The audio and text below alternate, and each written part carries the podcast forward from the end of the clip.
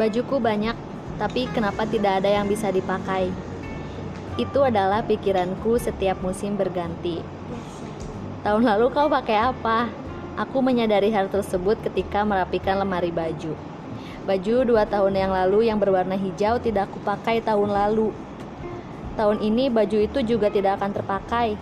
Kenapa di lemari bajuku ada baju hijau yang tidak terpakai selama beberapa tahun? Walaupun aku tahu baju itu tidak akan kupakai lagi, kenapa aku tidak membuangnya?